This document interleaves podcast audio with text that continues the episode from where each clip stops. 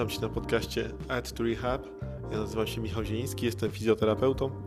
Wraz z moimi gośćmi będziemy poruszać e, tematy z zakresu fizjoterapii, treningu i przygotowania motorycznego w różnych dyscyplinach sportu. Zachęcam Cię do słuchania.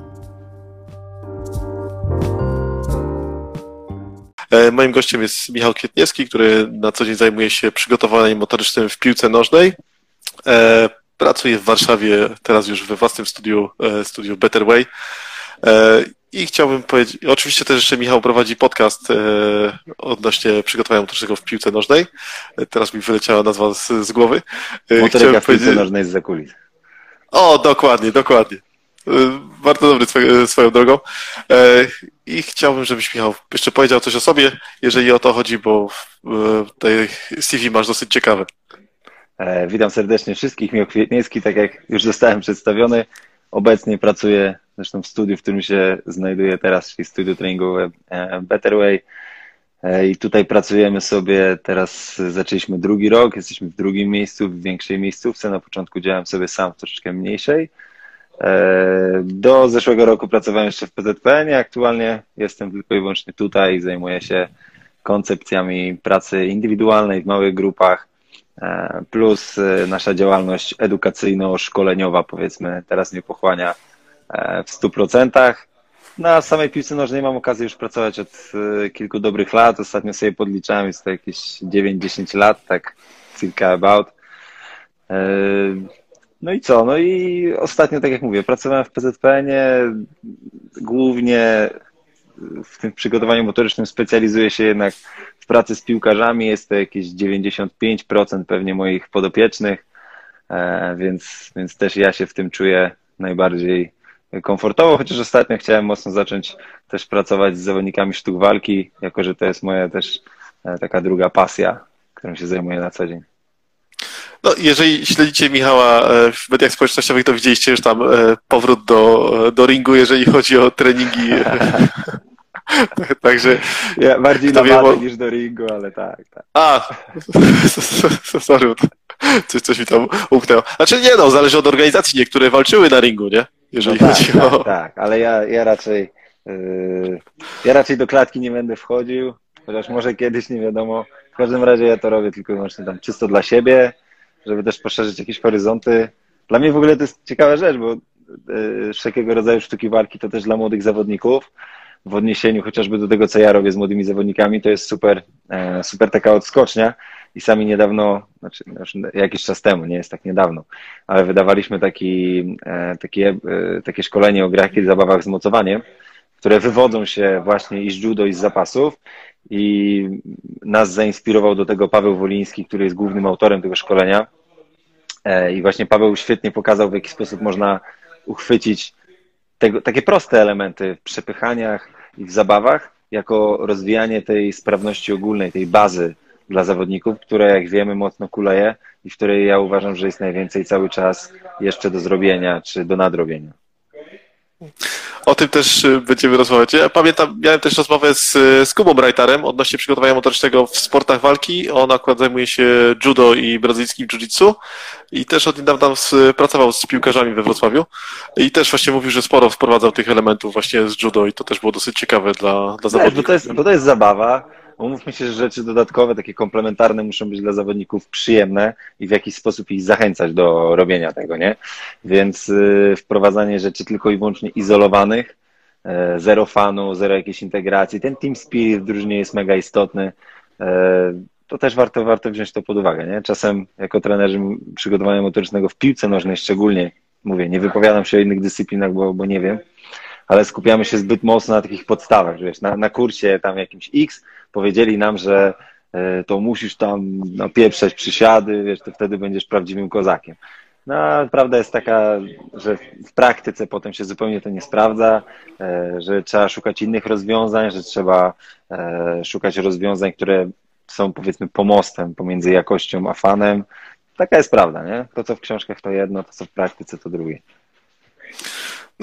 czasami tak jest, że niby coś ma działać, a nie działa, nie? Dokładnie, dokładnie. Ktoś tam napisał, że działa, a jednak okazuje się, że nie działa. Nie? Okej, okay, a chciałem jeszcze zapytać o twoją e, przygodę, bo z tego co kojarzę, też miałeś jakiś epizod w Legii chyba, tak? Czy, tak, miałem. Czy pracowałem, coś... w 17 roku pracowałem w Akademii Legii, e, w drużynie U19, zresztą bardzo fajne chłopaki, to był rocznik 2-2, 2-1, 2-0, 9-9, tam wszyscy byli wrzucani, ci najzdolniejsi z młodszych i, i te chłopaki, którzy jeszcze zostali, e, byli wrzucani do tego kociołka. Tam przewinęło się naprawdę wielu fajnych zawodników. Z wieloma do dzisiaj ma kontakt i z wieloma jeszcze trenuje. E, bo i, i właśnie Maciek Rosołek, Łukasz Zjewiński, Bartek Ciepiela, e, Mateusz Żyro i tak dalej. To wszyscy się jakby, którzy do dzisiaj są ze mną, to są właśnie z tego okresu pracy w Legii. To w ogóle kapelka tam była niezła i wielu tych zawodników, z którymi wtedy pracowałem, gra teraz w Ekstraklasie, a Michał Karbownik udało mu się nawet zadebiutować w reprezentacji Polski dorosłej, także czy, czy, czy e, Sebastian Szymański również. Więc to dla mnie też jest jakaś tam gratyfikacja. Na pewno e, nie byłem, nie wiem, znaczącą postacią w ich odniesieniu ich sukcesu, bo nigdy tak nie jest, zawsze tylko dokładam jakąś tam cegiełkę, ale na pewno jakoś tam im pomogłem i mam nadzieję, że chłopaki wspominają to e, dobrze, tak jak ja. Znaczy, najważniejsze jest to, żeby ich nie popsuć, nie? Na tym etapie to jest chyba... Dokładnie, ale wiesz, zainspirować, zainspirować ich też do pewnych rzeczy. Jak teraz tak jak mówię, mam okazję pracować z tymi chłopakami, wiem, że oni, e, oni pomimo młodego wieku mieli wielokrotnie e, doświadczenie z jakimiś innymi trenerami e, i mam też porównanie, w jaki sposób pracowali tamci trenerzy, w, jak oni, w jaki sposób pojmowali moją pracę, jak ich. E, I nie tam, że ja chcę się jakoś porównywać, ale zawsze spotykało się to z, jak, z jakimś dobrym sygnałem z ich strony. Więc dla mnie to też jest taka gratyfikacja. Nie? Ja nie potrzebuję medalów na szyję ale taka gratyfikacja w bezpośredniej rozmowie z tymi chłopakami, że tam coś im pokazałem fajnego, to używają, do czegoś ich zainspirowałem, dla mnie jest ok. Nie? Znaczy, no, to właśnie to jest to, co powiedziałeś. No, w treningu właśnie w piłce nożnej to trzeba mieć świadomość tego, że każdy ma swoją część do zrobienia i musi ją zrobić jak najlepiej, nie? Bo jeżeli coś ja, pójdzie... Jak to, mówią, jak to mówią, trzeba znaleźć swoje miejsce w szeregu. No, my jesteśmy trenerami od przygotowania motorycznego, oni mają grać w piłkę, nie? Więc yy, gdzieś tam nadinterpretowanie naszej wartości w sztabie, powiedzmy, mija się z celem, chociaż nie jest tak oczywiście, że my jesteśmy gdzieś tam kiepami odnoszenia e, stożków czy sprzętu. Uważam, że każdy ma swoje miejsce, ale każdy tak samo bierze czynny udział e, w rozwijaniu tych chłopaków, czy jeżeli mówimy o piłce seniorskiej, no to jest tak samo, naszym celem jest też, nie wiem, strzeżenie intensywności, objętości treningowej, nadzorowanie zmęczenia tych chłopaków, no to jest jednak super ważne w kontekście, nie wiem, chociażby grania danym ustawieniem taktycznym mm, i tych wszystkich rzeczy, które są potem determinantami tego, jak oni wyglądają w czasie gry już bezpośrednio. No, tutaj to jest, jeżeli chodzi o piłkę generalnie, to jest ciężki temat, nie? Bo tutaj, y, jeżeli tam ktoś zna środowisko, to coraz więcej młodych trenerów się pojawia, coraz bardziej się przebija to przygotowanie motoryczne w piłce nożnej na, na, większy, y, na większe uznanie zasługuje ale potem przychodzi to do czego i jakieś puchary, czy, czy gra w, w kadrze, jeżeli chodzi o rozgrywki międzynarodowe i jakoś to tam wszystko blado wygląda potem, nie? Ci no, zawodnicy... Wa warto, wiesz, zobaczyć sobie, ilu tych zawodników, którzy grają w kadrze, wychowało się i uczyło się grać, nie wiem, do 20 roku życia, czy 19 roku życia, tylko i wyłącznie w Polsce. No bo wydaje mi się, że jakbyśmy prześledzili tą kadrę, to jest ogromna ilość zawodników, którzy albo wcześniej wyjechali za granicę, e, albo swój pik formy osiągali za granicą. Oczywiście nie jest to sztampa, nie, nie, każdy, nie każdy tak ma.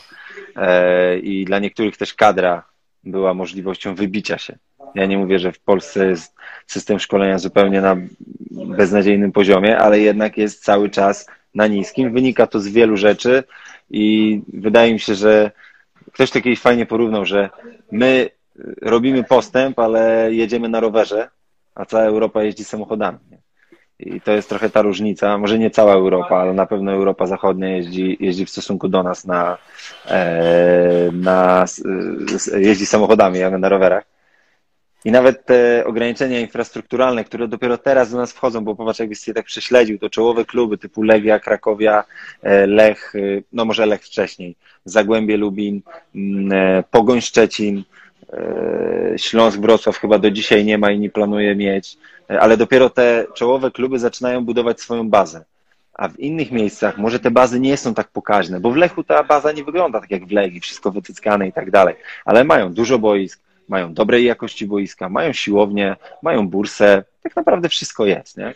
E, I dzięki temu te chłopaki mają możliwość trenowania, a przede wszystkim trenerzy mają komfort trenowania.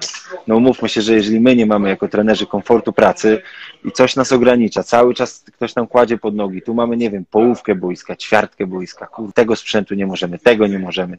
E, I wiesz, musimy cały czas rzeźbić przy sobie głównie, to oni na tym nie skorzystają. W nas wzrasta, jakaś frustracja, jakiś szybciej, szybciej się, nie wiem, e, nudzimy tą naszą pracą, mamy takie powiedzmy wypalenie. E, no i chłopaki na tym, na tym tracą. Nie? A, a gdzieś tam nawet, e, nawet na Ukrainie, czy ja byłem, pamiętam, na Islandii, to oni mają w niektórych miejscach bardzo fajną tą bazę. Może, tak jak mówię, nie najnowszą, ale mają kilka boisk, mają jakieś normalne miejsce do treningu siłowego, nie? gdzie na zachodzie, nie wiem, czy widziałeś Akademię Erbelipska, no to to jest jakiś kosmos, stary, no siłownie to mają tak, że mają tam, wiesz, amerykański styl, 158 raków, y, bieżnia, tu jakieś wiesz, przestrzeń taka jak na boisko do futbolu amerykańskiego, y, tutaj się schodzą, jakaś elegancka kawiarenka, jakieś miejsce do relaksu, to tam, to niektórzy mogą powiedzieć, że mają jak pączki w maśle, a jednocześnie chłopaki, którzy tam przychodzą, mają świadomość, gdzie są. I mają świadomość, ilu im tam dyszy już na plecach, żeby wskoczyć tylko na ich miejsce. Pierwsze podwinięcie nogi, pierwsza kontuzja i tak dalej. I to automatycznie ich zmusza do coraz to y, mocniejszej pracy no przecież oni nie są głupi, wiedzą ile zarabiają piłkarze, to o tym się trąbi, nie? Jeżeli chcesz dojść do takiego poziomu i zarabiać, nie wiem, 300 funtów, tygo, 300 tysięcy funtów tygodniowo, no to dzieciaku musisz zapieprzać i to solidnie, nie? I to dostaje procent z całego świata, bo potem te czołowe akademie znowu robią scouting na cały świat, już nie ograniczają się na kraj, ściągają chłopaków z zagranicy, nie? Angielskie kluby szukają po całym świecie, nie tylko w Anglii. I tak, i, i co, co bardziej profesjonalny klub, to robi scouting już coraz większych zakresów świata. Nie? E, ściągają jakichś młodych chłopaków z Brazylii, ściągają jakieś właśnie talenty z Chorwacji.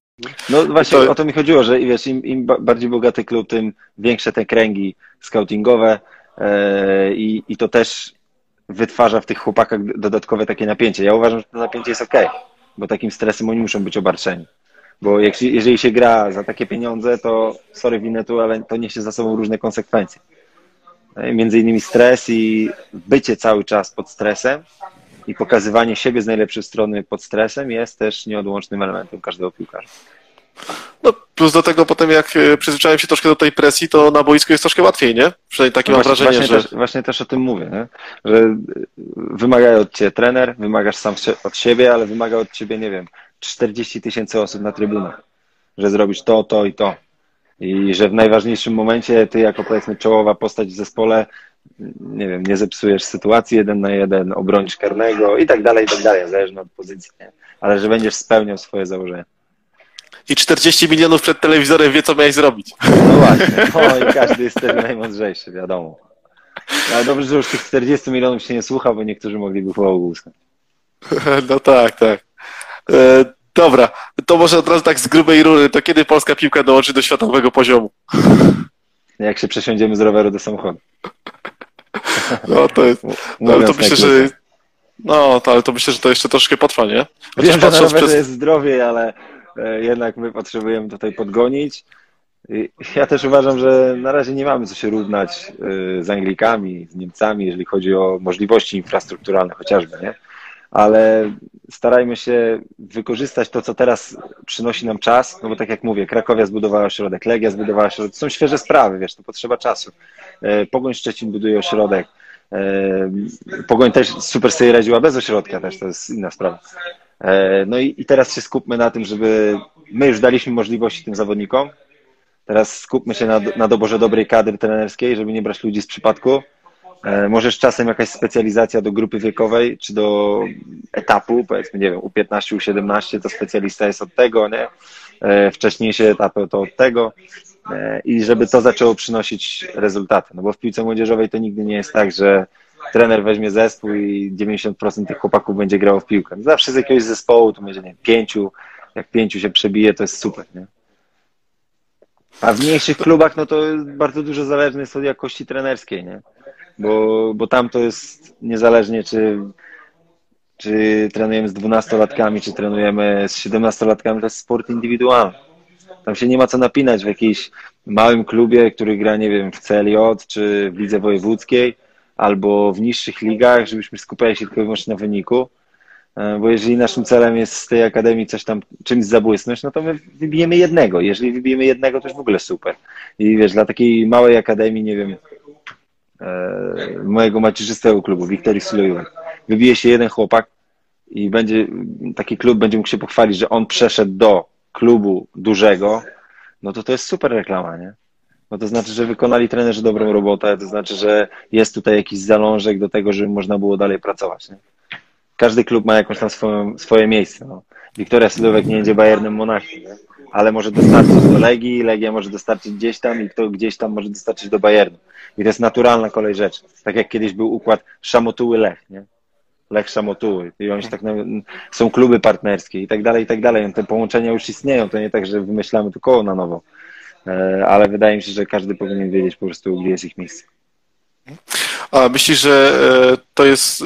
Często się zdarza, e, że dany klub jest klubem partnerskim większego klubu, czy w sensie jakieś mniejsze akademie współpracują ściśle z klubami na przykład z ekstraklasy, jeżeli o to chodzi? O jest, przekazywanie jest tak zawodników? Jest tak bardzo często. Niestety jest często tak, że to jest korzyść jednostronna i że dla mniejszego klubu jest to tylko i wyłącznie jakiś chwyt lekko marketingowy, nie, nie podparty często niczym, e, ani przekazywaniem know-how, e, no niczym, raz na jakiś czas jakieś szkolenia. E, I oczywiście na pewno jest to jakaś wartość dodana, ale jednak oddawanie zawodników za przysłowiowe frytki i tylko za tak zwany tam fame czy coś, no to może być dla niektórych za mało, nie? Dlatego nie, nie wszyscy chcą dołączać jako kluby partnerskie, albo niektórzy sobie starają się wynegocjować troszeczkę inne warunki. Chociaż ja osobiście uważam, że to jest dobry trend, bo tak jak mówię, każdy ma swoje miejsce na mapie piłki. I jeżeli mamy mniejszy, y, mniejszy klub, to niech on dostarcza zawodników e, tych bardziej wyróżniających się na wyższy poziom. I z drugiej strony, na przykład duży klub typu Legia, Lech, y, Pogoń i tak dalej, jeżeli mają chłopaków, którzy się nie łapią w ich rocznikach, bo z jakiegoś tam względu są słabsi, na razie są słabsi, może mniejsi, słab, słabsi psychicznie i tak dalej, to przekazujmy ich do tych mniejszych klubów, bo tam będą mieć łatwiejsze, e, łatwiejsze środowisko do rozwoju. E, czasem jest tak, że na przykład e, klub z ekstraklasy nie ma rezerw albo nie ma dobrych rezerw czy dobrych, dobrych juniorów, ale ma fajny klub partnerski E, z jakiejś tam niższej ligi. Nie? Na przykład Ekstraklasa ma jakiś fajny klub partnerski w drugiej lidze. Kiedyś taki układ był między Legią a Wigrami Suwałki na przykład. Nie, i automatycznie tych zawod... te, ci zawodnicy mogą się tam ogrywać. Oni dostają niemalże za darmo zawodników na niezłym poziomie piłkarskim, a normalnie musieli za nich zabecelować, czego nie mają, pieniędzy na co nie mają pieniędzy. E, no i to skutkuje taką korzyścią obustronną. I oni tam po, nie wiem, po roku wypożyczenia wracają i Legia dalej tam przesyła, że tam jakiś inny klub, no nie wiem, akurat ten układ znam, no to, to przesyłają dalej tych, tych zawodników. Nie? To jest zdro, zdroworozsądkowe uważam. Znaczy nie, no sorry, teraz się uśmiecham, bo wszyscy znają chyba historię takiego małego, mało znanego napastnika z Legii, który był w, w świcie Nowy Dwór Matowiecki, nie? No tak. Ale to zdarzają się też takie sytuacje, że ktoś, ktoś się trochę nie, nie pozna. E, a powiedz mi jeszcze odnośnie e, tej, tego e, tutaj kadry, jak mówiłeś, że to jeżeli chodzi o współpracę tych klubów, że nie zawsze jest ta, ta, wymiana wiedzy i tych szkoleń, to powiedz mi, to jak to wygląda, jeżeli chodzi o Was, o Better Way? Czy ta pula osób, które przychodzą, trafiają do Was na szkolenie się zwiększa? Nie wiem, poziom jest inny w stosunku do lat poprzednich, nie wiem, wyższy czy, czy niższy? E, czy to wydaje są osoby... Się, że, tak, wydaje mi się, że ogólnie świadomość jest troszkę wyższa. E, wydaje mi się, że też w pewnych obszarach jest wyższa, na przykład w treningu siły to jest troszeczkę świadomość wyższa, ale cały czas jest y, za mała świadomość na temat intensywności treningu, na temat tego, jak dobierać na przykład poprzez środki piłkarskie, e, e, czy może inaczej, czy jak w środkach piłkarskich przemycać elementy motoryczne, jak intensyfikować gry. E, no tak jak mówię, ten, kwestia intensywności i doboru, doboru objętości jest cały czas problematyczna. To jest taka największa bolączka, wydaje mi się cały czas trzeba walczyć z jakimiś e, wczesno utarty, utartymi schematami, mitami tak zwanymi na temat treningu szybkości, że tam ktoś nie rośnie, jak dźwignie i tak dalej, i tak dalej. To cały czas się to powtarza, ale no my też od tego jesteśmy, żeby powiedzmy na daną chwilę wyprowadzać z błędu. Może się za 10 lat okaże, że my też gadamy głupoty, nie wiem. W każdym razie na, na daną chwilę to są w miarę aktualne rzeczy. A jeżeli chodzi o ilość trenerów, to na szczęście mamy, mamy cały czas podobną ilość, bo my też określamy jakieś maksy na, na szkoleniach i my staramy się mieć maksymalnie 30 trenerów na szkoleniu, żeby to szkolenie miało odpowiednią jakość. Natomiast pocieszające jest to, że ci trenerzy cały czas pną się gdzieś wyżej. Już w wielu klubach teraz ekstraklasy, pierwszej ligi, drugiej ligi, czyli cały ten szczebel centralny jest obstawiony ludźmi, którzy bardzo często albo się przewinęło przez nasze szkolenie, albo w ogóle się wywodzi z naszego szkolenia. To dla mnie to jest super, nie? E, bo to też pokazuje, że te nasze metody nie są nietrafione i nie sprawdzały się tylko na naszym podwórku, ale sprawdzają się też na wielu, wielu e, innych. A powiedz mi, a zdarza się taka sytuacja, że patrzysz jak gra klub właśnie tam z pierwszej czy tam drugiej ligi i myślisz, co ten chłop tam robi, że oni tam nie biegają? Nie, bo wiesz to, ja staram się w ogóle... Nie no, śmieję, śmieję się, nie, ale to... E, znaczy, czasem się zastanawiam, że jak to jest, że profesjonalny zawodnik nie może dobiegać 70 minut. No, to się zastanawiam, nie? E, natomiast kiedyś to tak robiłem, jak, jak mówisz. Troszkę patrzyłem na to prześmiewczo, E, ale chyba z czasem spokorniałem po prostu, bo wiem, jak wiele zmiennych wpływa na to, że zawodnik wygląda tak, a nie inaczej. E, I też czasem małe rzeczy, wiesz, to są jednak dorośli zawodnicy, większość ma rodzinę. Czasem jest tak, że mają małe dziecko i im płacze przez dwie noce i on może być super przygotowany fizycznie, ale nie prześpi dwóch nocy i już mecz wygląda dużo gorzej, wiesz jak jest. E, także jeżeli ktoś ma dzieci, to, to wie o czym mówię. E, I też ja, ja, dopiero jak e, teraz już mam dwójkę, jak, jak, zacząłem być młodym ojcem, to też na to, e, na to nie zwracałem uwagi. Z czasem wiem, jak to, jak to ogromnie wpływa na, na tak zwany performance czyli na tą formę sportową, e, którą zawodnicy, zawodnicy prezentują. A poza tym no, mi bardzo dużo dała e, znajomość też z Dawidem Golińskim. Serdecznie polecam tego trenera. On teraz pracuje w Koronie Kielce, bardzo dobry fachowiec. E, I, i Dawid, wielokrotnie rozmawialiśmy przy budowaniu takiego kursu Akademia GPS i właśnie on wypełnia taką lukę, który, na, na, temat której ja miałem deficyt informacji I on pokazywał chociażby, jak interpretuje wyniki, e, porównanie GPS, taki, e, takie statystyki piłkarskie, czyli Instat i sam ogląd meczu, przebieg meczu, czyli analiza, analiza wideo. Jakże, jak wiele rzeczy nam umyka i jak sobie siedzimy na trybunach z popcornem i mówimy, e, tam nie wiem, o ten nie przebieg, nie? Albo ten się tak nie zachował. Ale tak, nie wiemy, jakie były jego założenia taktyczne. Nie, e, nie wiemy, co tak naprawdę on zrobił przez te 15 minut łącznie, bo może się okazać, że w tej akcji mu zabraknie, ale przez 15 minut łącznie to on zrobił super rzeczy, albo na odwrót. Nie? E, wejdzie, zrobi dwie fajne akcje, ale przez cały mecz gościa nie było. Nie? I zapamiętujemy go z dwóch fajnych akcji, bo mamy do tego nawyk, e, a już z całego meczu go powiedzmy nie rozliczamy, nie? Albo mówimy, że patrząc potem na statystyki meczowe, o, ci zawodnicy dużo biegają, są dobrze przygotowani fizycznie. Guzik prawda, bo nie wiem, chociażby Atletico Madryt e, w tych przebiegniętych kilometrach, czy przebiegniętych high speed trainingach, czyli prędkość pomiędzy 19 a 25 km na godzinę, było na tam 20 i 19 miejscu kolejno w rankingu e, w La Liga. A, a to, to jest jednak czołowy zespół w Europie i jakbyś tak spojrzał z trybuny, mówisz, nie no, są super przygotowani, bo oni są zawsze tam, gdzie potrzebują. Tak jak to mówi stare przysłowie, lepiej mądrze stać niż głupio biegać. Wiesz, biegamy, jak, jak, zazwyczaj musimy biegać kiedy? Kiedy zrobimy błąd, kiedy zespół jest źle ustawiony, kiedy ktoś zrobi nieoczekiwaną stratę, kiedy musimy uzupełniać ustawienie e, kolegi z zespołu, a my powinniśmy biegać sprintem wtedy, kiedy robimy przewagę, kiedy wychodzimy za takim szybkim, kiedy robimy jakieś dynamiczne wejście w pole karne i tak dalej. Kiedy my tego chcemy, a nie kiedy mecz od nas tego wymaga. No i przede wszystkim biega się więcej, jak się nie ma piłki, nie? Bo trzeba też y, tę piłkę odzyskać. No, to, znowu, to znowu bardzo zależne jest od stylu gry. Jeżeli gramy na takim pozycyjnym e, i mamy piłkę, to możemy się poruszać mało, ale kiedy bazujemy na atakach szybkich lub na takim miksie, że trochę przytrzymam piłkę i nagle biegamy, no to tych high speed trainingów też natłuczemy tam sporo, bo jednak gdzieś z wysokości 50 metra, 60, czyli gdzieś z połówki boiska musimy zaatakować te wolne przestrzenie, nie? I to też znowu, nie każda pozycja biega tyle samo. Więc to jest, yy, jak się tak w to zagłębić, to występuje naprawdę wiele zmiennych. Nie sam dystans totalny, nie sama ilość sprintów, nie sam high speed running, tylko trzeba na ten mecz spojrzeć w perspektywie całych 90 minut, żeby móc ocenić, czy ten zespół rzeczywiście był dobry przygotowany, dobrze przygotowany fizycznie. A co to znaczy przede wszystkim w piłce nożnej? To przede wszystkim znaczy realizować założenia taktyczne. To jest nadrzędna rzecz. Więc jeżeli ktoś mówi, że nie występuje przygotowanie motoryczne osobno od piłki albo występuje, no to tutaj są mocne zakłócenia w przekazie, powiedzmy. Nie? Bo no, nikogo, różne wiesz, są jak, szkoły. Jak, jak to mówię, nikogo nie obchodzi, ile zawodnik podnosi w przysiadzie, jeżeli strzela 30 bramek w sezonie. No tak, A, ale, jak, ale jak zaczyna nie strzelać, to tam się doszukujemy, nie? O, może jest słabszy przygodą fizycznie, a jak on na tej siłowni, a jak tu, a jak tam. Ale może się potykać o własne nogi, ale strzeli 30 w sezonie i jest wszystko ok.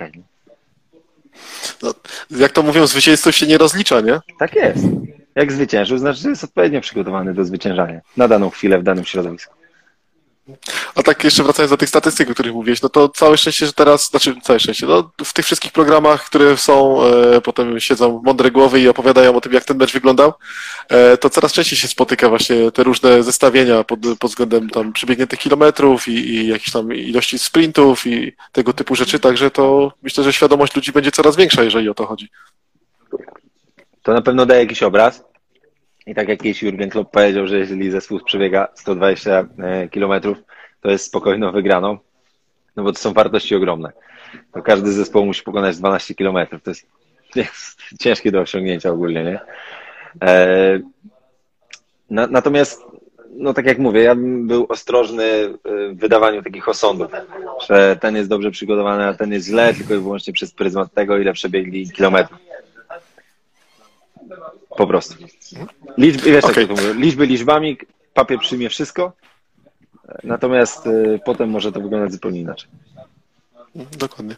Dobra, to powiedz mi teraz tak. To od kiedy byś sugerował wprowadzać trening siłowy w pracy z młodzieżą? Czy z no zawsze. Od zawsze, nie ma limitu. Nie? No, trening siły u sześciolatka będzie zupełnie inaczej wyglądał niż trening siły u siedemnastolatka. No nie wiem, masz dzieci w jakim wieku? No ja mam 3 i 5. No, no to dokładnie tak jak ja i dobrze wiesz, że dla takiego dziecka lat 3 wchodzenie po schodach czy tego typu rzeczy to jest pewna forma oporu. No jak dziecko musi się wdrapać na drugie piętro samemu, mając lat 3, no to jest dla niego to niezły opór. A już dla takiego pięciolatka, już pięciolatek zaczyna sobie wskakiwać po schodach. No jest to pewna e, doza adaptacji. I teraz, jeżeli mamy sześciolatka na treningu, to nikt mu nie będzie zarzucał sztangi na plecy i kazał robić przysiadu, bo zwyczajnie dla niego też to nie będzie atrakcyjne. Ale dodając chociażby jakieś formy prosty zabaw, e, nie wiem, dzieci się między sobą też przepychają, przesuwają, noszą i tak dalej. Moje dzieci jak przychodzą do studia, y, to podnoszą ketla 4, 4, 4 kilo, pomimo, że same ważą 15. No to, to znaczy, że co, że są super silne? To znaczy, że nie urosną? Nie, to znaczy, że jest to naturalny odruch. Podchodzi, podnosi i idzie dalej, nie? Jest dla nich zupełnie to naturalne. Dzieci biorą zakupy, z, zakupy ze sklepu razem z nami i też, i też się nic nie dzieje, nie? To chodzi o to, żeby umiejętnie dobrać po prostu, co to jest trening siły dla, młodego zawodnika, czyli dla dziecka i dla nastolatka. Ja uważam, że taka granica, powiedzmy, treningu z miękkim obciążeniem, to jest ten dwunasty rok życia, czyli powiedzmy początek okresu pokwitaniowego. Tak statystycznie zawodnicy, mówię zawodnicy, czyli e, rodzaj męski, zaczynają wchodzić w ten okres pokwitania gdzieś w wieku lat 12, to są ci wczesno dojrzewający. E, w wieku lat 14 jest ten pik dla takich średnich, powiedzmy, a dla tych późno dojrzewających gdzieś w wieku lat 16. Także to jest bardzo, e, bardzo rozciągnięty proces w czasie e, i w tym okresie możemy próbować e, treningów o delikatnie innym charakterze, czyli przejść z miękkiego obciążenia, zacząć używać twardego obciążenia, głównie dlatego, że ich świadomość treningowa jest większa i też bezpieczeństwo pracy jest na wyższym poziomie, bo to też musimy wziąć pod uwagę. On sobie nagle nie upuści handla na nogę, no bo wie, że jest to dość niebezpieczne. Nie? Natomiast praca w takich podstawach, czyli odpychanie od siebie rzeczy, przyciąganie rzeczy do siebie, e, podciąganie, przeciąganie, wiszenie, to możemy wprowadzać już od już no, najmłodszych, e, najmłodszych lat. Taki ciekawy przykład, moja siostra, którą serdecznie pozdrawiam, ma e, dwójkę bliźniaków, dwa i pół roku. Jej mąż jest zapalonym wspinaczem. I, I te dzieciaki od drugiego roku życia siedzą na ściance wspinaczkowej i jakbyś zobaczył tą Marysię, która się wspina po ścianie wspinaczkowej, to już nie powiedział, że ona ma dwa i pół roku. No to, to znaczy, że się wspina, to co, wiesz, no, to, to nie jest dla niej, bo jest za mała, to co, ona powinna siedzieć i tylko rysować? No nie, no ruch jest dla nich tak samo ważny i pokonywanie grawitacji i oporu własnego ciała jest dla nich treningiem siły, a potem pokonywanie oporu sztangi. Minusem jest, znaczy może nie minusem, a wadą nazwy treningu siłowe, siłowego jest w ogóle to, że ludzie to źle utożsamiają i wizualizują sobie trening siły tylko i wyłącznie z klasycznymi siłowniami i gdzieś tam pompowaniem taki stricte kulturystycznym nie ma nic złego w treningu kulturystycznym, ale e, po prostu trening siły to nie jest tylko i wyłącznie to. Nie? W ogóle w późniejszych latach, czy w, e, na poziomie profesjonalnym, sam trening motoryczny, czy trening siłowy nie będzie opierał się tylko i wyłącznie o dźwiganie ciężarów w tym samym tempie, w tym samym kierunku, w takim sam sposób i tak dalej, i tak dalej. Już e, istnieje, setki badań istnieją, zostały napisane tuzin książek na temat różnego podejścia do treningu siły i różnego podejścia do takiego przygotowania siłowego, bo tak powinniśmy mówić, do wymogów dyscypliny. Bo zawodnik nie wymaga tylko i wyłącznie siły maksymalnej. Nie? On wymaga wiele komponentów związanych z treningiem siły, jak y, chociażby tempo rozwijania tej siły, które jest ważniejsze niż sam poziom siły. I tak dalej, i tak dalej. No jest, jest, jest tutaj ogrom zmiennych, nad którymi możemy pracować. No, my w studiu, e, znowu dlatego mówię, że nie robimy tylko i wyłącznie treningu siłowego. Mamy kawałek trawy, robimy formy, e, formy lokomocyjne, które są super istotne i samo budowanie siły czy reaktywności w tych formach lokomocyjnych jest super istotna. E, znowu, mamy silnego zawodnika, który się nie potrafi poruszać. Co z tego, że on dźwiga, nie wiem, 150 kg w przysiadzie. Czyli nie wiem, nawet to magiczne dwa razy masa ciała, nie? Co z tego, jeżeli chłop się nie potrafi zatrzymać? I z czego to wynika? Z braku siły? No nie, no on jest taki silny, że podniesie ciebie i mnie naraz. Tylko wynika to tylko i wyłącznie z tego, że on po prostu nie potrafi tego zrobić, więc znowu mamy koordynację mięśniową, nie? zarówno wewnątrzmięśniową, jak i, jak i międzymięśniową. I wszystkie te komponenty musimy w treningu zgrywać. I w treningu siły również możemy te wszystkie komponenty zgrywać, tylko trzeba go odpowiednio, e, odpowiednio sobie zaplanować i dobrać pod to, co zawodnicy wymagają.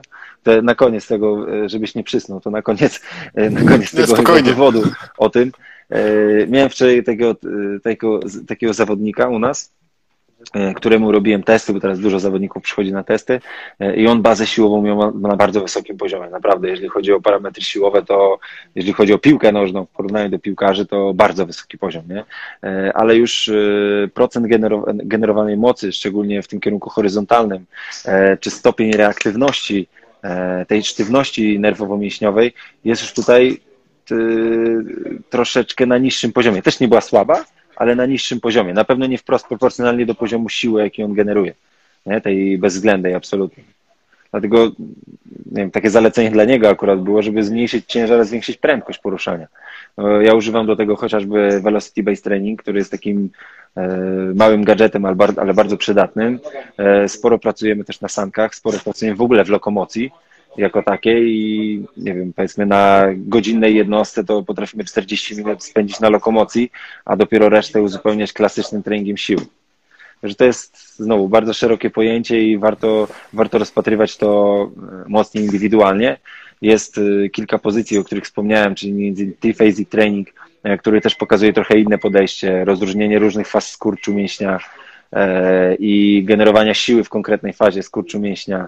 E, no, chociażby podejście właśnie Jean-Benoît Morina do e, pracy na obciążeniu w, w poruszaniu, i kilka innych jeszcze, akurat teraz y, nic mi nie przychodzi do głowy, ale są na pewno jeszcze jakieś pozycje na temat różnego podejścia do, do treningu siły, jakieś metody strongmana, e, metody klasyczne, trójbojowe i tak dalej, i tak dalej. Każda bazuje troszeczkę na czymś innym, nie? A my pracując ze sportowcami musimy przede wszystkim zauważyć, czego oni wymagają, bo może mamy grupę, która właśnie prezentuje wysoki poziom siły maksymalnej, a niski poziom tego rate of force development, nie? czyli tego tempa osiągania tej siły. Może być na odwrót, mamy bardzo reaktywnego zawodnika, który e, ta odpowiedź elastyczna ścięgna Achillesa jest bardzo wysoka, ale jego poziom siły maksymalnej jest niski, więc on często odnosi kontuzje, nadciągnięcia, jest mało odporny na wysiłek, wytrzymałość siłowa też jest na niższym poziomie i to też nad tym powinniśmy pracować. Bardzo fajne było to, co powiedziałeś, bo to taki, nie, dlatego celowo, celowo nie przerywałem, żeby cię nie, nie wybić z, tutaj z, z wątku, ale chciałbym jeszcze zapytać o, o jedną rzecz, myślę, że teraz taką, co się odbija szerokim echem, jeżeli chodzi o, o przygotowanie motoryczne. Praca symetryczna czy asymetryczna, jeżeli chodzi o pracę kończyn dolnych, w kontekście piłki nożnej? Znaczy, y, pytanie trzeba byłoby na pewno doprecyzować. Y, ja więcej znaczy... korzystam jednak ze zdolności asymetrycznych, głównie dlatego, że piłkarze taką asymetrię prezentują. Ten dysbalans u nich jest dość spory, podział na nogę podporową, nogę kopiącą i czasem ta różnica jest ogromna, i zaczyna być niebezpieczna. I trzeba, trzeba znowu to sobie troszeczkę wyważyć, ale to też nie jest tak, że zupełnie rezygnuję z form nóż, szczególnie z młodymi zawodnikami, gdzie staramy się jednak przemycać te wzorce ruchowe, jak zwał, tak zwał, czyli te e, klasyczne, e, klasyczne powiedzmy ćwiczenia, przysiad, zgięcie w biodrach i tak dalej, e, to te ćwiczenia występują. Na pewno z piłkarzami idziemy bardziej w kierunku treningu bilateralnego, jeżeli chodzi o górną kończynę, bo zwyczajnie on procentowo zajmuje mniej w treningu. Chyba, że są treningi, chyba, że są treningi typowo dla górnej kończyny, no to wtedy też mamy formę, formy pracy jednorącz. Natomiast, e, natomiast jeśli chodzi o dolną kończynę, to tutaj przewaga jest jednak e, pracy jednonóż, głównie dlatego, żeby tą dysproporcję wyrównać. Nie? No bo jakie są założenia treningu motorycznego? Przede wszystkim zachowanie w zdrowiu, czyli ta prewencja urazów, a dopiero w drugiej kolejności to przygotowanie bezpośrednie do wymogów dyscypliny. Chociaż jedno z drugim się silnie, się silnie mieli ze sobą. No to Ale nie lubię, to, tego to, tak- podejście, tak... to, podejście, to podejście Boyla lubię. Yy, może nie w tak skrajnym wydaniu jak on, bo on tam mało co tyka obu nóż rzeczy. Yy, natomiast, yy, natomiast wydaje mi się, że znajdzie się miejsce po prostu na jedno i na drugie. Jeżeli zawodnik wymaga generowania dużej siły, to możemy to zrealizować w treningu obu nóż, nawet w bezpieczniejszych formach typu e, przysiad do pudła, e, czy przysiady na heksbarze, czy, no nie wiem, jeżeli ktoś może, to przesiady goblet i tak dalej, no są te formy takie bardziej uniwersalne, od których możemy sobie wychodzić, e, natomiast są też formy jednonóż, na, na podstawie których możemy budować też e, solidną bazę siłową, tylko musimy pamiętać, że im bardziej niestabilna pozycja, tym mniejsze siły jesteśmy w stanie generować, nie? E, więc, więc znowu, trzeba się zastanowić, nad czym, nad czym najbardziej nam zależy. Często jest tak, że te formy jednonóż też wykorzystujemy do tego, żeby nauczyć zawodnika pewnej koordynacji ruchowej, i sama w sobie już pozycja jednonóż jest niestabilna. E, ja osobiście nie jestem zwolennikiem e, niestabilnego podłoża w treningu w celu jakiejś tam poprawy propriocepcji czy czegoś tam, jakiejś równowagi, bo możemy to osiągnąć poprzez stanie jednonóż w niektórych przypadkach, a w niektórych przypadkach stanie jednonóż plus ciężar zewnętrzny. I to znowu, ten ciężar zewnętrzny może być spory. Możemy zrobić sobie, nie wiem, asymetryczny martwy ciąg na jednej nodze jest trzydziestką w prawej ręce, stojąc na lewej nodze. No to podejrzewam, że jak weźmiemy grupę 25 chłopaków, to jeden zrobi, to będzie fajnie, z, takim, z taką wagą, powiedzmy, e, no nie wiem, dla mnie, dla mnie taki dobry wynik to jest ćwierć wagi ciała w jednej ręce.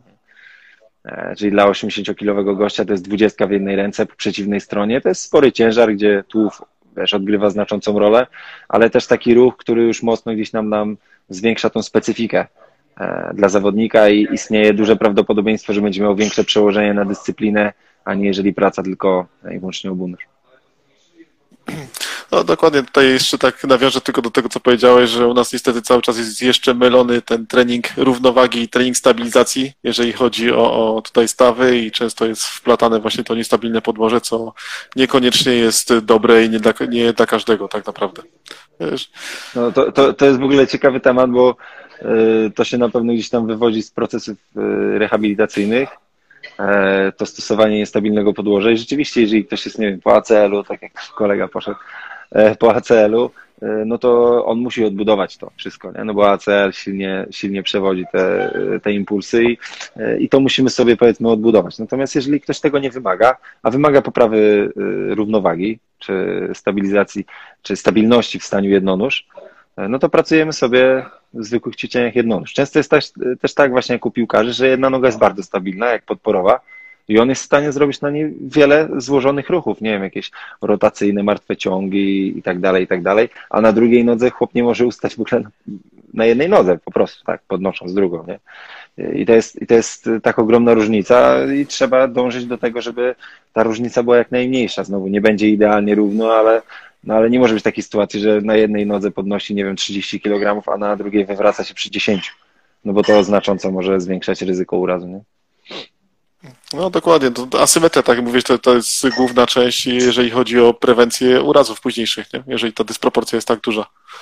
Tak jest, ja też jestem zwolennikiem e, w nawiązaniu do asymetrii trzeba powiedzieć o równowadze strukturalnej, więc znowu możemy celować bardzo izolowanie w jakąś grupę mięśniową, która jest osłabiona, ale jednak trzeba gdzieś to tam integrować potem w bardziej globalny ruch, nie? No bo E, co z tego, że my będziemy pompować nie, pośrodkowy średni, który jest taki popularny, czy tam głowę przyśrodkową, czy tam co jeszcze innego, nie wiem, brzuchate łydki, e, będziemy sobie aktywować, czy tam wzmacniać, e, jeżeli to potem nie ma przełożenia na ruch globalny. Nie? Czyli docelowo dla piłkarza to jest lokomocja po prostu. No tak, no, jak to się nie przekłada później na różnicę w funkcji, no to ten czas można uznać trochę za stracony, nie? Oczywiście, że tak. Taka prosta gradacja. Nie? No, no, wiadomo, czasami się to, to tak upraszcza, no ale to no nie ma tutaj czarować, nie? Nie, nie, nie. Dobra, a powiedz mi, e, jeżeli mamy zawodnika, który tam trenuje sobie w, w klubie, e, kiedy, kiedy e, sugerowałbyś, żeby pomyślał o pracy z trenerem przygotowania motorycznego, jeśli, jeśli ten klub tego nie zapewnia? Albo jeżeli, czy kiedy klub tego nie zapewnia w dostarczającym stopniu? Ja osobiście uważam, tak będąc zupełnie szczery, że każdy zawodnik powinien, nie mówię, że bardzo regularnie, ale raz na jakiś czas spotkać się z kimś indywidualnie, e, bo w klubie nie ma takiej możliwości, żeby ktoś do ciebie podszedł zupełnie indywidualnie. Ma, trener zazwyczaj jest jeden na drużynę, na 20 chłopaków powiedzmy. Nawet jeżeli wykona kawał dobrej roboty i spróbuje zindywidualizować ciężary, spróbuje zindywidualizować rozrzewki itd., tak itd., tak to nigdy nie będzie celował tak samo jak przy pracy jeden na jeden czy jeden na dwa. Dlatego raz na jakiś czas zrobić nawet sobie taki, wiesz, czek samego siebie, czy wszystko jest w porządku, czy tam praca odbywa się dobrze. Jeżeli widzimy znaczące braki, które wychodzą w testach czy na meczach, e, gdzieś czujemy braki, no to wydaje mi się, że e, znowu to jest kolejny, kolejny, kolejna taka pobudka do tego, żeby, żeby spróbować pracy indywidualnej. Natomiast wyjściowo uważam, że większość zawodników e, powinna pracować, e, pracować indywidualnie w mniejszym lub większym zakresie. Są skrajne przypadki, na przykład, kiedy dzieciaki zmieniają jakąś drużynę małą, tak zwaną, czyli z małej akademii przychodzą do dużej e, i dołączają do grupy, rzucam, 17-latków, którzy już są w jakimś reżimie treningowym od jakiegoś czasu i on na pewno będzie odstawał motorycznie pod wieloma względami. I to jest kolejny sygnał do tego, żeby coś tam zacząć robić ze sobą dodatkowo. Poza tym jest tyle obszarów, gdzie oni mogą dodatkowo robić, nie wiem, bo to nie musi być trening motoryczny, on może pójść do fizjo, nie? Popracować, e, popracować nad jakimiś tam e, powtarzającymi się przeciążeniami na przykład, nie? jakieś takie sesje ala regeneracyjne. Tutaj my też współpracujemy z Łukaszem Worakowskim i, i chłopaki bardzo często po prostu do niego chodzą na sesje regeneracyjne, nie wiem, jeżeli ktoś wiesz, nie ma kasy i nie chce wydawać hajsu na buty, czy, e, czy nie wie, jak w ogóle przeprowadzić jakąś taką sesję regeneracyjną, no to naprawdę niech zainwestuje e, w fizjo, fizjo mu pokaże może jakieś zabiegi, które może robić sam. Część, jeżeli nie może zrobić sam, no to pójdzie do fizjo na sesje regeneracyjne lub na jakieś takie ala prewencyjne rzeczy. Nie? Także u każdego jest, u każdego jest jakiś, e, jakiś taki bufor do pracy, e, a taką grupę, która uważam za totalny must have, to są juniorzy wchodzący do piłki seniorskiej. To uważam, to jest za totalny must have i każdy junior, niezależnie z jakiej akademii jest, powinien, e, powinien na, na takie treningi się zdecydować, przynajmniej przez jakiś czas. No, no, myślę, że to już chyba funkcjonuje, nie? Bo to jest taki przeskok z piłki juniorskiej do seniorskiej, to jest taka duża różnica, nie? No jest, właśnie chodzi o to, że jest ogromna, bardzo często od tych zawodników młodych wymaga się dużo więcej, żeby oni, oni muszą, wiesz, oni muszą się pokazać czymś, żeby dostali możliwości grania. To nie może być zawodnik, który prezentuje podobny poziom.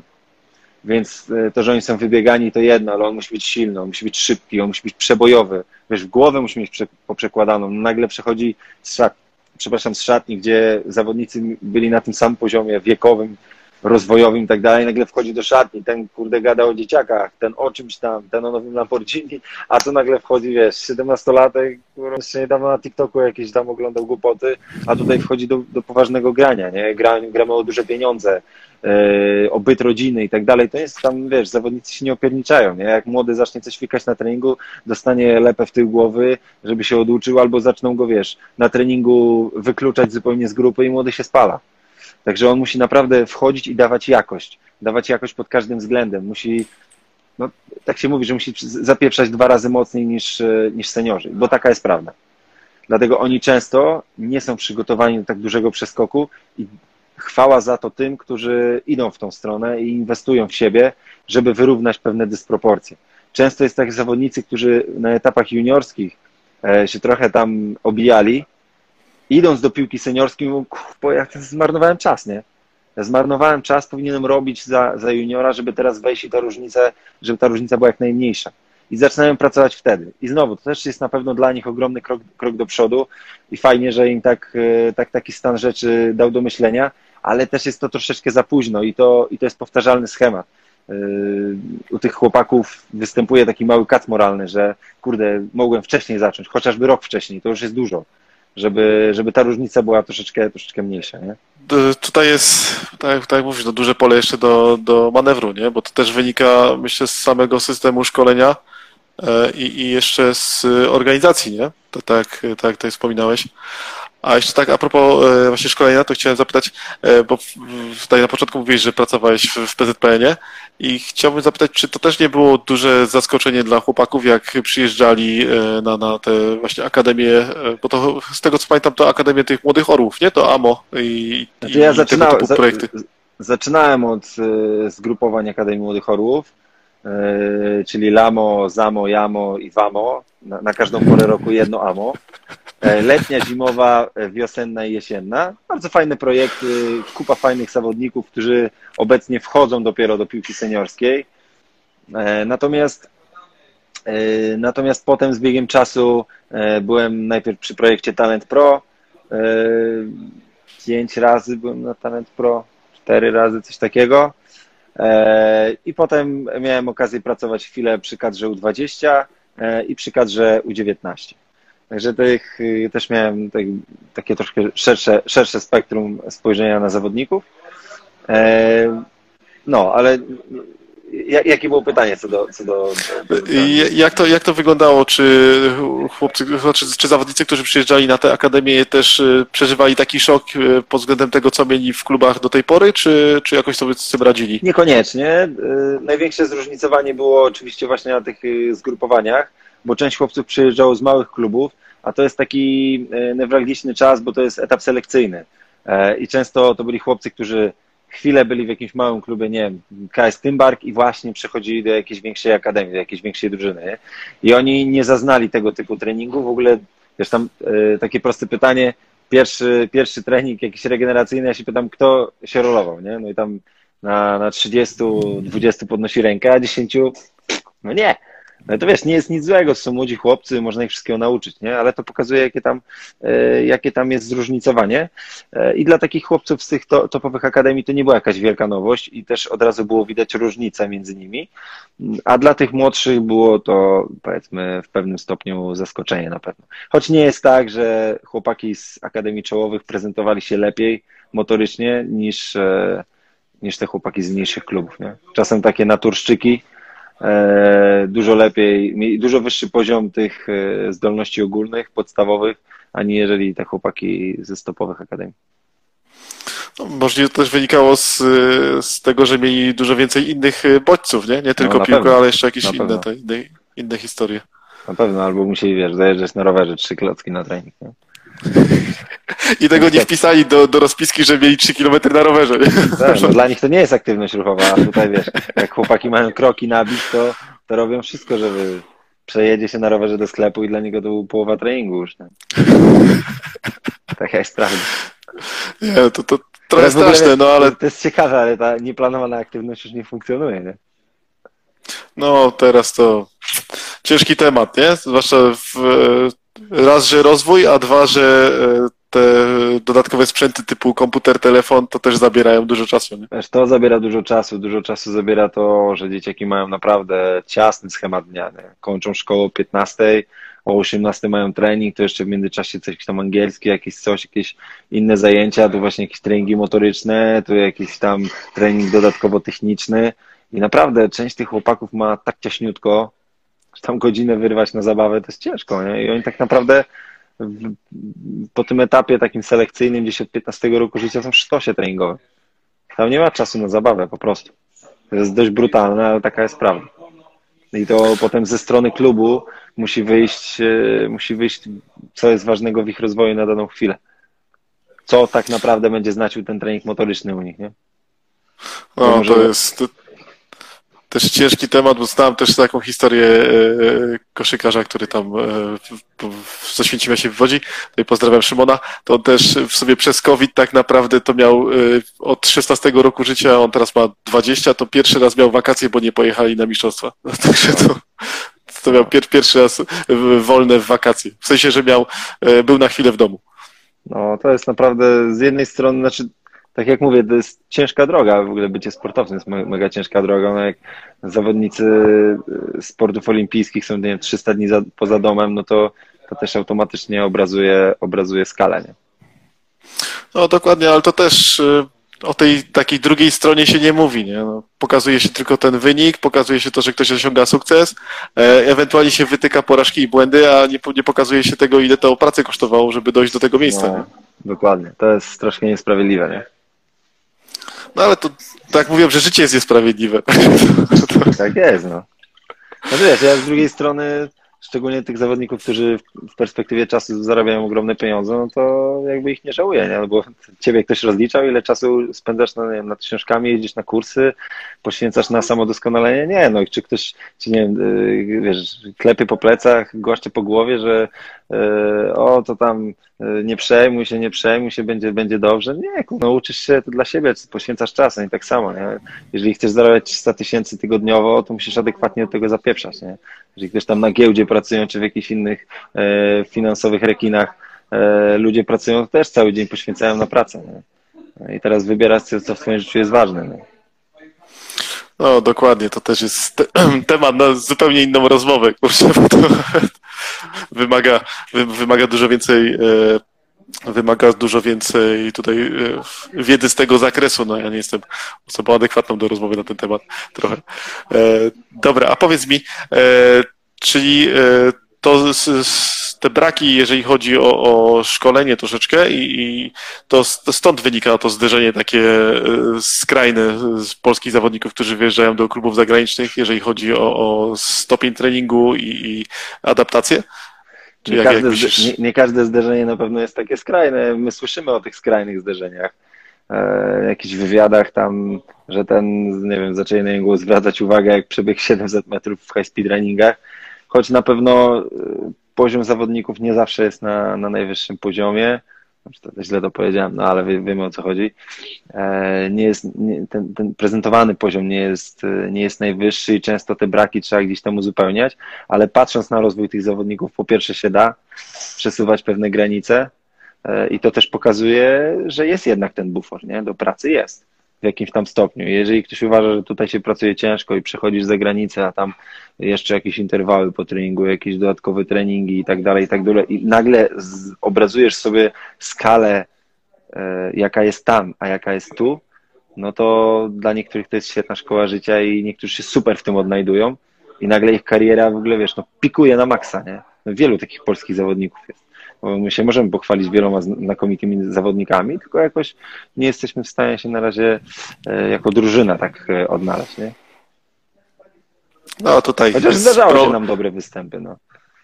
no no, właśnie to jest to, że się zdarzały, nie? Patrząc przez pryzmat y, sąsiadów, y, biorąc pierwszy, pierwszy z brzegu Czechów, gdzie tam ich jest dużo, dużo mniej, a patrząc przez pryzmat dyscyplin, które, y, które prezentują, jeżeli chodzi o wysoki poziom, no to u nas to jest bied, biednie trochę, nie? No, może i tak. Nie wiem, jak jest w innych dyscyplinach, ale Czesi dopiero teraz odpalili. Nie? I zarówno w piłce klubowej, jak i w piłce reprezentacyjnej rzeczywiście teraz odpalili, no ale jeszcze parę lat wcześniej byli chłopcami do bicia. No. Też ich biliśmy. Także to też tak musimy, musimy zawsze dzielić włosa na, na czworo, żeby, e, żeby to w taki obiektywny sposób ocenić. Nie? Ja jestem daleki od takiego krytykowania po jednym nieudanym, nieudanej imprezie. Może trener nie, nie, nie spina z drużyną, nie wiem. Nie jestem w środku, więc nie potrafię powiedzieć. Może coś innego nie spina, też ciężko powiedzieć. W każdym razie, no teraz nie wyszło. E, zobaczymy, co będzie później. Ja się tylko troszeczkę martwię, że na razie nie ma mm, takich jakościowych zastępców e, dla, dla czołowych reprezentantów Polski, którzy umówmy się, że już nie są najmłodsi i będą, będą raczej odchodzić. Tak jak na niektórych pozycjach mamy ten bufor, tak na innych na razie, e, no na razie nie ma takiej jakości. Nie? E, może jakość jest, ale nie ma liczb na pewno takich, jak prezentuje, no nie wiem, jakiś Zielu, Robert i tak dalej. No, to jeszcze, jeszcze myślę, że to wynika, wymaga dużo pracy i też doświadczenia, nie? Bo też jak zawodnik potem e, podchodzi w to w ramach doświadczenia wie, jak, jak się ma ustawić, jak grać i tego typu rzeczy, nie? To, to, to też no. trzeba wziąć pod uwagę, nie? Że mało jest zawodników, którzy wejdą w wieku 18-19 lat e, na boisko i, i będą grać tak samo jak ten, co ma 25-30. Nie, to, to nie, nie wymagamy tego, ale ja mówię jakościowych zmienników typu właśnie 20 parę lat. Gdzieś tam już trochę doświadczony, gdzieś pograł, może liznął trochę zachodu. E, no, chodzi mi o to. Chociaż mam nadzieję, że. Bo tak jak, tak jak obserwując tych młodych chłopaków, to powiem Ci, że jest spory odpływ jednak za granicę tych chłopaków, że oni próbują sił gdzieś w niemieckich akademiach, w angielskich akademiach, spory taki zaciąg. Wydaje mi się, że to może pójść w fajną stronę i niedługo się okaże właśnie, że e, fajnie nam wychowują piłkarzy i potem nam dostarczają do reprezentacji. Umówmy się, że reprezentacja czołowych e, drużyny reprezentacyjne czołowych e, zachodnich sąsiadów też nie składają się z wychowanków swojej ligi, nie? Tylko to są gwiazdy czołowych europejskich zespołów. No, tyle. No tak, no, ale to, też tak mówią, że jak im silniejsza liga, tym silniejsza kadra, nie? Ale to u nas to jeszcze musimy chyba no, liczyć ale, na trochę inną opcję. No, może tak, może tak, no nie wiem, nie wiem zresztą. Ciężko, ciężko mi określić. Na pewno, na pewno silna liga pomaga, yy, ale no nie, nie jestem przekonany do końca jak bardzo, nie? No nie wiem, brazylijska liga nie jest silna, nie? A Brazylia jest silna. No tak. Argenty no, Argentyńska liga też nie jest silna. A, Ale mają Messiego, to też jest inaczej. to tak jak, Tutaj jak e, patrząc przez pryzmat słoweńskiej koszykówki chociażby mają jednego e, zawodnika, który będzie e, chyba czołową historią, w, znaczy czołową postacią w historii NBA, Lukę Doncicza i teraz jadą na igrzyska, także to też, też robi robotę. No wiesz, no my to jednak etap, odkąd Robert jest na totalnym topie, też mamy dobry etap na reprezentację, nie? No tak, tak. Też zrobił, zrobił dużo roboty. Dobra, chciałem jeszcze zapytać o inne formy aktywności, które byś polecał dla piłkarza, bo tu wspomniałeś o, o tutaj sportach walki, że też by były, tak. że są fajne, jeżeli chodzi o, o tutaj trening. Głównie, a jakieś, no. a jakieś jeszcze formy aktywności? Wiesz co, ja głównie polecam, jeżeli mówimy o młodych czy o starych? O młodych. No to o młodych polecałbym dwie formy, zapasy i gimnastykę. Bardzo krótko, bez, bez jakiegoś tam roz, e, rozwodzenia się, zapasy z, z, z, głównie z uwagi na to, że totalnie zmieniamy środowisko, w jakim, w jakim się poruszamy. Mamy dużo form, które na boisku też występują jak przepychanie, ale też e, mamy dużo form takich zwarcia, e, które występują w mniejszym stopniu. No i przede wszystkim kształtujemy te cechy wolicjonalne, które czasem są mocno warunkujące po prostu sukces. A jeżeli chodzi o gimnastykę, to jest to sport chyba najbardziej taki ogólnorozwojowy, jeżeli chodzi o dzieciaki. Dużo form oporowych, e, form skocznościowych, e, rozwijanie też muskulatury górnej kończyny i tłowia, więc te elementy uważam, że tutaj by się i gibkości, tak, w jednym i w drugim zresztą, e, to by tutaj naprawdę się sprawdzały. Ja często też mając młodych zawodników na treningach, jeżeli widzę, że nasza wspólna współpraca nie idzie w tym kierunku, co bym chciał, to radzę właśnie spróbować zupełnie czego innego, e, bo ja czasem też nie mam warunków, żeby pewnych elementów zrobić, a wiem, że w innych miejscach doskonale, doskonale sobie z tym radzą. Ja nie mam też żadnego bólu dupy, żeby e, przekierować mojego podopiecznego gdzieś dalej do innego specjalisty, żeby się dalej rozwijał. Jakoś mnie to nie boli. To jest też ciekawe, co powiedziałeś, bo niektórzy się zamykają, okopują przy swoim stanowisku i, i nie ma wyjścia, nie? Tak, Ale... tak, no, dokładnie, wiesz, budują szafę i zamykają od środka, nie? I to rzeczywiście, rzeczywiście, nie uważam, że to było nic dobrego, e, szczególnie właśnie jak widzisz, że twoje podejście zupełnie nie trafia do zawodnika, a może po prostu nie potraficie znaleźć, wiesz, wspólnego języka, myślę, że jesteśmy jednak tylko ludźmi i nie, nie z każdym będziemy się super lubić, I dzieciaki tak samo reagują. No przecież on cię, on cię troszeczkę musi lubić, jakoś szanować, troszkę musisz mu imponować, żeby on chciał pójść za rzeczami, które mu mówisz w stu procentach. To są proste, proste relacje międzyludzkie, e, a często o tym zapominamy. Myślę, że jak jesteśmy dobrymi trenerami, mamy dużą wiedzę, to każdy będzie e, czerpał z treningu z nami maksimum korzyści. A nie do końca tak jest. Czasem będzie korzystał z tego dużo bardziej ktoś, kto po prostu uwierzy w to, co robisz i będzie chciał wyciągnąć z tego na 100%, a ten, który będzie podchodził tego sceptycznie, no to już mniej, nie? No to myślę, że to jest zrozumiałe, że jak nie potrafisz e, zaangażować osoby, no to z tego niewiele będzie, nie? No dokładnie, a powiem Ci, że e, nawet w takim treningu grupowym, w zapasach, czy w jakiejś rywalizacji, no dzieciaki kochają rywalizację. Kochają rywalizację, no to gdzie on się lepiej odnajdzie? W treningu sześcioosobowym, czy w treningu jeden na jeden? Jeżeli wiesz, masz 10 lat i e, no znowu część takich telefonów od rodziców przedam, mam dziesięciolatka, chcielibyśmy poprawić motorykę no to tak, musimy najpierw poznać tego dziesięciolatka. Jeżeli widzimy, że to jest jeszcze dziesięciolatek, co tam dłubie w nosie, no to lepiej udać się na inne dyscypliny. Nie? Jeżeli to jest dziesięciolatek, który jest mega skupiony na robocie, bo są tacy, no to, to spoko, możemy spróbować, ale w zastrzeżeniu, czy tam w perspektywie tego, że może to jednak nie wyjść, nie? I my nie gwarantujemy, że to będzie to. Dużo łatwiejsza sprawa jest z 14-latkiem i ze starszymi chłopakami, czyli powiedzmy, którzy już mają w głowie trochę ułożone, e, powiedzmy, przeszli okres pokwitaniowy i oni rzeczywiście wiedzą, wiedzą po co tu przychodzą, nie? a nie, że a tata mi przyprowadził na trening taki tam, będę sobie trenował z takim panem i będziemy robić jakieś tam rzeczy. Także to, to wiem już z perspektywy czasu, że w wielu przypadkach, w większości przypadków, to nie, nie odpala po prostu. Dlatego dużo lepiej w młodszych grupach robić treningi w małych e, podgrupkach, taki powiedzmy 5-6 osób, a nie jeżeli jeden na jeden. A dla starszych? Dla seniorów, jeżeli chodzi o piłkę? No to jeżeli chodzi o piłkę, dla, jeżeli chodzi o trening dodatkowy dla seniorów, to uważam, że to może być celowany już taki trening motoryczny, e, już stricte dostosowany pod to, co potrzebują. Jedni potrzebują kwestii mobilności, inni potrzebują e, elementów siły, a inni jeszcze, nie wiem, plyometrii, e, budowania mocy i tak dalej. A jeżeli miałbym wybrać, powiedzmy, dyscyplinę jedną, którą bym zalecał większości piłkarzy, są to formy jogi. E, czy takie połączenie jogi i pilatesu, jakieś power jogi. Ja trochę nie rozróżniam tych nazw, ale chodzi mi ogólnie o pracę nad mobilnością w różny sposób. Nad mobilnością też taką w formach dociążonych, E, trochę z pracą nad, e, nad stabilnością, nad pracą z ruchem ogólnie. Jeżeli miałbym dodatkowo, zupełnie coś dodatkowego wybrać, to, to można było polecić to, bo jednak piłkarze mają mega duży problem z mobilnością e, i z elastycznością całego ciała. A tak jak tutaj nawet miałem, miałem rozmowę y, z Kacperem, no to oprócz tego, że ciało musi być silne, mobilne, to jeszcze musi być elastyczne, nie?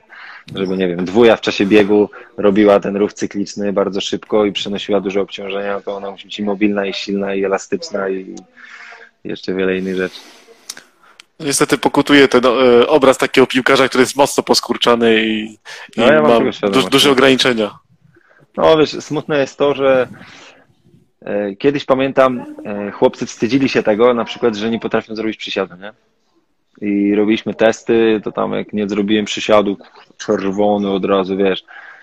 No, ja zawsze mówiłem, że spoko, nic nie szkodzi, tu popracujemy nad tym i tak dalej, ale z biegiem czasu zauważyłem, że jest to śmieszne, nie? No, on nie, nie potrafi zrobić przysiadu i się śmieje z tego, nie? Albo on nie potrafi zrobić tego. Ja mówię, wiesz co, no to nie ma się nad czym śmiać, nie? Bo dla mnie jesteś trochę kaleką jeżeli nie potrafi, ja, oczywiście wiesz, nie chcę nikogo urazić, nie, nie mówię, że jak ktoś nie potrafi zrobić przed to jest kaleką, ale jeżeli ktoś nie potrafi zrobić nic innego, jak tylko specyficzne umiejętności w dyscyplinie, to niech ma świadomość tego, że go to ogranicza i co mógłby osiągnąć, gdyby umiał więcej. Nie? Jeżeli tu przychodzą chłopcy, którzy mają 12-13 lat i on nie potrafi zrobić, nie wiem, przerzutu nogami w tył, nie potrafi zrobić przerzutu w przód, nie potrafi padać, wstawać, robi to w jakiś taki sposób, że wstanie z ziemi zajmuje mu, nie wiem, półtorej minuty, żeby wstał, nie wiem, ćwiczenie najprostsze, wiesz, wstaję bez użycia rąk. Dlatego doceniam takie, yy, takie elementy treningowe z zapasów. Bo to jest super istotne, taka sprawność ogólna, którą każdy powinien mieć na jakimś tam poziomie, lepszym lub większym, ale uważam, że jak przychodzi 13-latek, to jest dla niego to zupełnie naturalne. Nie, nie mówię, że musi robić idealnie przysiad, y, wiesz, i super się podciągać na drążku i tak dalej, ale jednak powinien prezentować fajny poziom, powiedzmy, tych ogólnych zdolności. No, nie no niestety też, e, jeżeli chodzi o sprawność e, z roku na rok jest coraz gorzej chyba, jeżeli chodzi o młodych, ale to, to już jest zupełnie inny temat też. E, super Michał, dziękuję za, za to, że zgodziłeś się wziąć udział w, ja w tej audycji i chciałbym tutaj, żebyś przypomniał, gdzie można Cię znaleźć, bo wszyscy, którzy słuchali tego, wiedzą, że masz coś ciekawego do powiedzenia. No słuchajcie, można mnie znaleźć przede wszystkim na Instagramie Kwietniewski Betterway. Ostatnio ruszyłem też trochę z TikTokiem, także zapraszam. Brakuje mi pięciu fanów do tysiąca. Czujesz to? to jakiś Wiesz co, nie, nie wiem, bo nie mam TikToka, także to, to kurczę. No to nie, stary, to jesteś właśnie jednym z tych pięciu osób. Ja tam rzucam raczej merytoryczne treści, nie tańczę na golasa, także e, spokojnie. Jestem na Facebooku, można we wszystkich mediach nas znaleźć, a przede wszystkim jestem, e, jestem w Betterway, jesteśmy na stronie www.betterway.pl i szkolenia.betterway.pl. E, no i tutaj ja zapraszam osobiście do naszego studia treningowego Betterway w Warszawie www.stbw.pl. Tam wszystkie informacje szczegółowe znajdziecie. Myślę, że to jest e, miejsce, które trzeba sprawdzić w Warszawie pod kątem. Koniecznie, e, koniecznie. Albo na kawę, albo na trening, nie? Albo po prostu pogadać, jak chcecie. Albo na jedno i drugie. Albo na jedno i drugie, jak większość. Bo tutaj chłopaki cały czas pracują, jak my gadamy, więc dzieje się. No, dokładnie. E, dobrze, tak jak mówiłem, super Michał, dziękuję, że, że przyjąłeś za zaproszenie, bo to też nie jest takie oczywiste. E, I myślę, że wiele ciekawych rzeczy ktoś wyciągnie dla siebie, jak tylko to na spokojnie przesłucha. E, no i jeszcze raz dziękuję. Dziękuję serdecznie i zapraszam wszystkich do słuchania innych odcinków Twojego podcastu. Aha, jeszcze obserwujcie ten Michała na TikToku, żeby dobił do tych tak jest, osób, tego tysiąca. Pięć osób, bijaj Dzięki wielkie. Na razie. Dobra, trzymaj się, hej.